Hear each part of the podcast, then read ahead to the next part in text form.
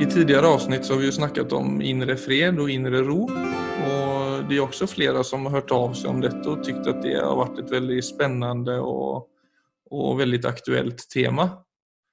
Eh, så det jag tänkte på var ju om vi ikke skulle bara kort presentera meditation egentligen, alltså både sånt vad det är men också hur man kan gå tillväga i en, i en vardag för också få bruk för det. För meditation är ju väldigt det er noe som er sterkt knyttet til indre, indre ro, eller for å, for å, komme dit, egentlig. Absolutt. Altså det er uh, altså I hvert fall innenfor mindfulness er jo det er jo grunnen personen til at jeg bare bruker det ordet, er jo nettopp at det er en praksis. Det er en systematisk praksis, og der er uh, Meditasjonen er jo hovedverktøyet. Så det er et ord som er lite forstått, vil jeg si, i, i, Norge i dag, og brukes om veldig mange forskjellige ting. Mens i Mindfulness er dette veldig, veldig konkret definert. Det er et veldig rikt indre språk for, uh, for den type praksiser. Så jeg vil si helt konkret, hva er dette fra et mindfulness-perspektiv? Jo, det er en trening av hjernens kjernemuskulatur. Og Akkurat som kroppen din har en kjernemuskulatur, så har også hjernen en kjernemuskulatur. Og jeg vil si at det er evnen din til fokus, eller konsentrasjon. Det er den ene muskelen. Og den andre muskelen, det er det jeg vil kalle tilstedeværelse. Så konsentrasjonen den kan kun være på én ting om gangen. Mens tilstedeværelsesmuskelen, det er den som ser helheten i et øyeblikk. Så du kan si at tilstedeværelse holder menyen for fokuset ditt. Og tilstedeværelse, det er her og nå-muskelen. Det er rett og slett uh, Får du med deg det som faktisk skjer her og nå? Ser du detaljene i et øyeblikk? Eller er du bare fortapt i fortid og fremtid? Og med tilstedeværelse så kommer også den tredje muskelen, og det er evnen til refokusering. Rett og slett det å bringe oppmerksomheten tilbake når du har fått feil fokus, eller hvis du har mista fokuset. Og du vil si at Disse tre musklene de bruker du hele tiden i alle hverdagslige situasjoner. Det som er premisset i meditasjon, det er at disse musklene er trenbare. Så veldig konkret og praktisk. Ja, for jeg merket jo det når jeg, når jeg begynte meditere og utforske det. Det var jo det at du er Altså når du sitter still da, eller når du er med deg selv, så er det, det skal ingenting til for at du skal bli tatt av tanken. Og noe jeg også la merke til, var jo at tanken har jo ofte den litt sånn ulykkelige karakteren at det ofte dreier seg litt om grublerier eller noe som har hendt eller noe som skal skje Eller, ja, det er ikke alltid at den er sånn superkonstruktiv. Du kan ju backa långt bak i, i, menneskets historie när liksom livet kunde ha handlat om överlevnad och trygghet. Så det är lite rart att, att tanken till stor grad fortfarande är färgad av problemlösning och, och analyser. Men i ett modernt samfund där det är väldigt tryggt så är ju det att bli alltför förtappt i en tanke ofta väldigt vilseledande. Och det är ju väldigt sån färgande för det du möter och de de situasjonene du er i livet, at man, eh, man mister litt den formågen å se klart iblant. Definitivt. Det er, uh, dette er jo kanskje menneskets grunnleggende problem, hvis du, hvis du virkelig setter deg ned og tenker ordentlig på det. Det, vi kan jo se, det forskningen sier om dette, det er jo at vi er altså fraværende ca. 50% av tiden. Så det er jo halvparten av vår våkne tid så er vi lost in thought, som det kalles. Og hvis du da ser inn i hjerneforskningen, så ser du der noe det kalles eh, hjernens eh, altså default mode-nettverk. Eh, som er sånn Når vi er på autopilot, så er vi i det som kalles default mode. Og det er et selvrefererende narrativt nettverk. Så når vi når vi er fraværende, så er tankene veldig ofte kretset rundt jeg, meg og mitt. Altså det er selvsentrerte tanker. Mm. Og det er ofte knyttet til altså min verdi. Altså det kan være posisjonen min i, i gruppa, f.eks. Husk på, vi er jo biologisk så er vi flokkdyr. Mm. Det blir veldig mye tanker rundt dette med å passe inn, det å være bra nok, det å være trygg. Så, så vi har en slagside fra evolusjonens side, og den dukker faktisk opp uh, nettopp altså når, uh, når sinnet bare flyter fritt. Så allerede her så kan du jo se den, uh, altså hvor praktisk meditasjon egentlig er. For det handler rett og slett da om å egentlig kultivere et sinn som som oversetter alle situasjoner du er i, på en bedre måte. Det er nesten som å ha en kameralinse som er eh, full av støv, og så er det å ta bort alt støvet. Så har du plutselig klare bilder i high definition. Så det er, eh, for vi er laget sånn at vi har dette erfaringslageret med oss, sånn at hver gang vi opplever noe nytt, og vi opplever noe nytt hele tiden, så kommer alle disse gamle erfaringene med. og Det er egentlig ment å være en hjelp til å navigere. Men uh, det er klart, det som også blir med, er jo alle smertepunktene våre, alt det traumatiske vi har opplevd. Så øyeblikket, eller nåtid, blir jo hele tiden hijacket av fortiden. Og hvis ikke vi er oppmerksomme på det, så er det fort gjort at det bare blir fortid. Vi ser ikke lenger det øyeblikket vi er i. Det blir veldig, veldig styrt av fortidig erfaring. Og så kommer jo det da inn i valget mitt og inn i handlingen min. Og dermed så kommer det også inn i hvordan jeg bygger livet. Mm. Så, så, hvis du virkelig får øye på hvor mye av tiden sinnet er i fortid og fremtid, og hvordan det påvirker hvordan jeg lever livet mitt, så vil du se da at uh, Da vil du kunne se den helt praktiske nytten av meditasjonstrening. Mm. Og at dette ikke har noe å gjøre med at man trekker seg bort fra verden eller blir verdensfjern, eller at man, man blir passiv, eller det er en av de mytene som er knyttet til dette. Det handler egentlig om bare å skjerpe den mentale muskulaturen din. Uh, og det mm. vil komme deg til gode i alle hverdagslige, praktiske gjøremål. Så måten du utfører en oppgave på, evnen din til konsentrasjon.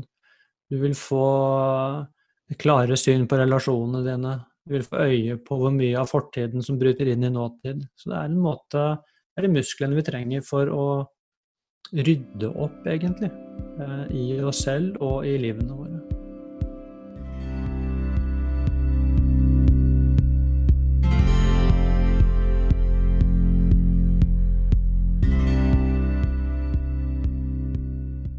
Mindfulness har ju blivit eh, etablerat till en viss grad i stora delar av världen.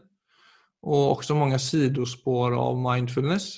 Så det har också naturligt blivit väldigt många olika uppfattningar om vad detta är. En som jag tror är väldigt vanlig, som jag i vart fall stöter på väldigt ofta, det är att folk tror att det är, har någonting med passivitet att göra. Att man liksom inte man är lite rädd för att man ska sitta med sig själv i harmoni och allt annat ska bara förfalla och försvinna och du ska inte längre sätta pris på att vara med vänner eller du sätter inte pris på ett nyvaskat hus eller allt det du vanligtvis sätter pris på det liksom blir mindre viktigt och du tror liksom att du närmest ska bli munk. Ja, altså det, og det er ikke så rart at de ideene dukker opp, for det er mye av, mye av språkbruken rundt mindfulness går jo på altså ro, eh, aksept, legge merke til, observere. Ikke sant? Og alle det er jo mm. egentlig passive ord. Så jeg tror det er viktig å forstå det vi snakket om tidligere, at du trener opp Det er en muskulatur som du trener opp. Og den muskulaturen den blir med deg inn i, uh, inn i alle de små tingene i hverdagen. Och sen, så... är det ju, sen är det väl också det att man i, Alltså det har ju trots allt varit isolerat till en eh, religion och till en tradition, alltså buddhismen och då har ju munklivet är ju, är ju väldigt eh, stillagående, alltså, i alla fall utifrån. För de som ser på så, så förknippar man ju det med ett väldigt roligt liv. Så det är lätt å få den oppfatningen. Og det er faktisk ikke helt sant. Det er ikke helt sant. altså Munkelivet, i, og det vil du se i alle visdomstradisjonene, er stort sett veldig aktivt. Altså, det er ikke noe latmannsliv. Altså, du har riktignok eh, En del av livet er jo kontemplativt, og det handler om at det vil alltid være noen timer om dagen hvor du gjør disse meditative øvelsene, og de skjer jo da i absolutt stillhet. Men så vil du se at eh, resten av livet stort sett er uh, forbundet med aktivitet. Så, og hvor det er mye Eh, altså stor oppmerksomhet også knytta til uh, eh, f.eks. det å lage mat, det å Altså når du når du rydder og vasker du, altså Uansett hva, så, du, så, gjør du jo det med et tilstedeværende sinn. Og, og, et tilstedeværende sinn, det er et sinn som uh, som er levende. Altså det er egentlig et annet ord for tilstedeværelse, det er liv. Så jo mer tilstedeværende det er, jo mer liv bringer du inn i situasjonene. Og det er derfor da til og med sånne helt det helt hverdagslige som å, som å vaske og rydde og den type ting, som jeg tror mange tenker på som litt sånn nødvendig, men kjedelig. Hvis du gjør den type ting med, med tilstedeværelse, så, så bringer du inn, eh, du bringer inn liv i den type aktiviteter. Så det er også noe man da vil begynne å nyte, istedenfor at det er noe man bare blir ferdig med. Så jeg tror mange gjør den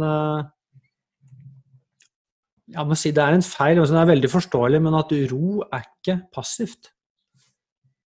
Altså, du, behøver, du behøver ikke gå rundt og bevege deg rolig og ha et smil på leppene og være omtenksom og trivelig hele tiden.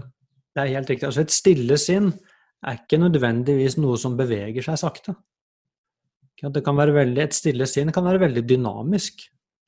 Altså, for Et stille sinn er et sinn som er i kontakt med sitt eget potensial. Så egentlig så er det, så et helt stille sinn er et ekstremt dynamisk sinn. Det er et, det er et, det er et fullstendig levende sinn. Og jeg tror det er der språket lurer oss litt. Akkurat som aksept betyr ikke at du slutter å handle, Aksept innebærer egentlig bare at du, du slutter å krangle med livet. Ja, du ser ærlig på deg selv og din situasjon. Altså, for ja, meg har aksept alltid handlet om å liksom tørre å se ærlig på ting uten å, uten å egentlig gjemme seg for det. Nettopp. Det å orke å se, å se ærlig på det. Men så er det selvfølgelig da på grunnlag av å være i kontakt med hvordan ting faktisk er, så vil du se da, altså, da blir du handlekraftig på en, eh, på en, veldig funksjonell måte. Så, så kanskje ro egentlig altså er mye bedre hvis du snakker om altså En ting er ro, men en annen ting er et stille sinn. Altså et stille sinn er ikke noe som beveger seg i halvsøvne. Altså det er, et stille sinn er våkent. Og den våkenheten er jo selvfølgelig Den er ekstremt aktiv, rett og slett, i sin natur. Du kan tenke deg selv altså de, de gangene du kjenner at du er i flyt, så vil du se det at det da Altså et flytøyeblikk er jo nettopp karakterisert av Det er på en måte akkurat som du er i senter av, av stormen. Du har funnet et stille punktet i en storm, så der er det, så du er, du er sentrert i deg selv. Og så vil du kjenne Samtidig så er du ekstremt aktiv, men du er aktiv på en måte uten anstrengelse. Så det vil jeg si er den Kall gjerne den syntesen som man Du kan godt si at du søker den i mindfulness. Altså det å være Du finner balansepunktet i alle aktiviteter. Og, og da vil jeg si i balansepunktet så er du så er du aktiv på en veldig Egentlig på en intelligent måte. Mm. Så det er ikke sånn at du du slutter å sette pris på de tingene som du vanligvis setter pris på. Ikke sant? Du slutter ikke å sette pris på en god kopp kaffe selv om du begynner å meditere. Det er eh, Jeg vil ikke si at det er tvert imot heller, men altså, det blir i hvert fall ikke noe mindre nytelse. Altså, du, nyter, eh, du nyter jo livet i fulle drag. Når det, du slutter ikke å sette pris på på selskap. Ja, for det å sitte og meditere, altså det, den, den, øvelsen er jo stillegående, men det det egentlig handler om, er jo å, å, å rette oppmerksomheten til det som skjer her og nå.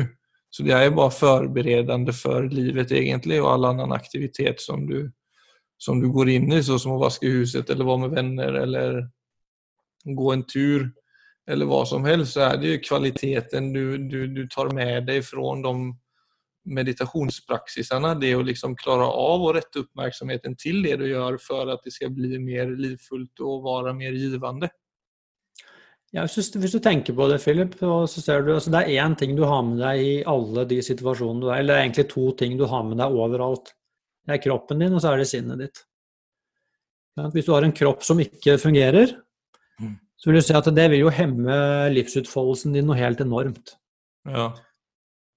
Hvis den er syk, eller hvis den er La oss si at du er veldig utrent og omtrent ikke har muskulatur. Altså du, alt flyter. og Det er klart, det er ikke et godt utgangspunkt å ta med seg inn i, inn i noen situasjoner. Og det er akkurat det samme med sinnet. Sinnet ditt har du med deg inn i alle situasjoner. Så det å ha med seg et sinn som er tilstedeværende og våkent, og som klarer å holde fokus på de rette tingene og slippe fokuset på de dysfunksjonelle tingene, så har du rett og slett da rikheten i øyeblikket blir mer tilgjengelig for deg. Det er egentlig så enkelt. Ja, for det er liksom kroppen er jo eh, Ta med deg et våkent sinn inn i livet. Det er jo helt opplagt. Selvfølgelig er det Det er ønskvärt. Ja, og det er en trenbar, det er en trenbar sak. Akkurat som det er med kroppen.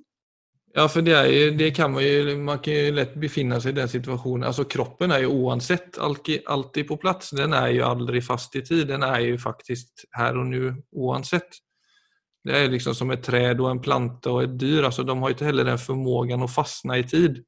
De reagerer på det som sker her og nu på en måte, men så som for oss For oss människor så kan vi mer eller mindre være i konflikt med øyeblikket hele tiden om vi ønsker, for at vi har den formågan att och fastna i tid och fastna i historien om oss själva. Och det, har jag, det märkte jag är väldigt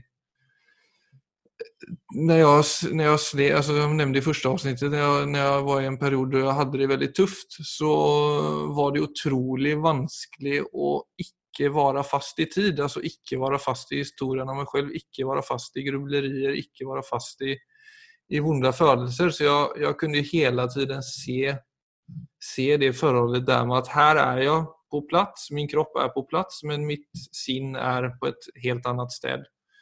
Eh, og det opplevde jeg jo som en konflikt hele tiden. For det som skjedde, jeg jeg, jeg hadde et øyeblikk når jeg hadde det som verst. og jeg, jeg var ute og gikk på en landsvei eh, der, der, jeg, kommer hjemmefra, og da ble det plutselig sånn Alt rundt meg og i meg var sønder, men på den landsveien, omkranset av de åkrene som var der så det, kände jag mig bara plötsligt hel.